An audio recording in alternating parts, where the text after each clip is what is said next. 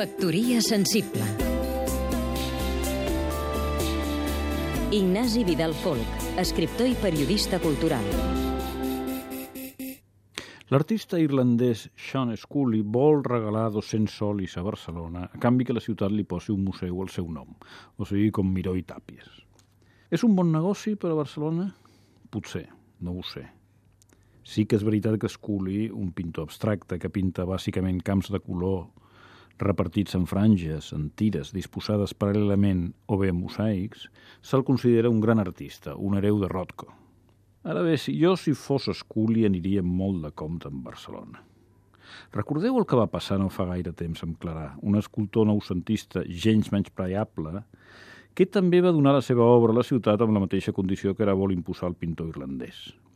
Sí, li van fer el museu a la casa del barri de Tres Torres on vivia i treballava. L'any 2000, amb el pretext que no rebia gaires visites, l'Ajuntament el va tancar i el va convertir en biblioteca. Ningú, que jo recordi, absolutament ningú va dir res. Per cert que tampoc ningú, excepte Lluís Boada del País, va protestar quan una banda de 30 maulets va destruir el preciós grup escultòric de Clarà a la Diagonal en memòria dels morts de la Guerra Civil. Durant el franquisme, els caiguts per Déu i per la pàtria. Per aquesta denominació d'origen el van destruir els maulets els quals ningú es va molestar per seguir ni castigar. És una història que fa una mica de vergonya. El pobre Clarà, quan el primer comissari cultural de Guàrdia va considerar que havia passat de moda o que li queia antipàtic, se'l van carregar. Altres artistes també passaran de moda. Vagi amb compte, Esculi, que aquesta gent no és gens de fiar.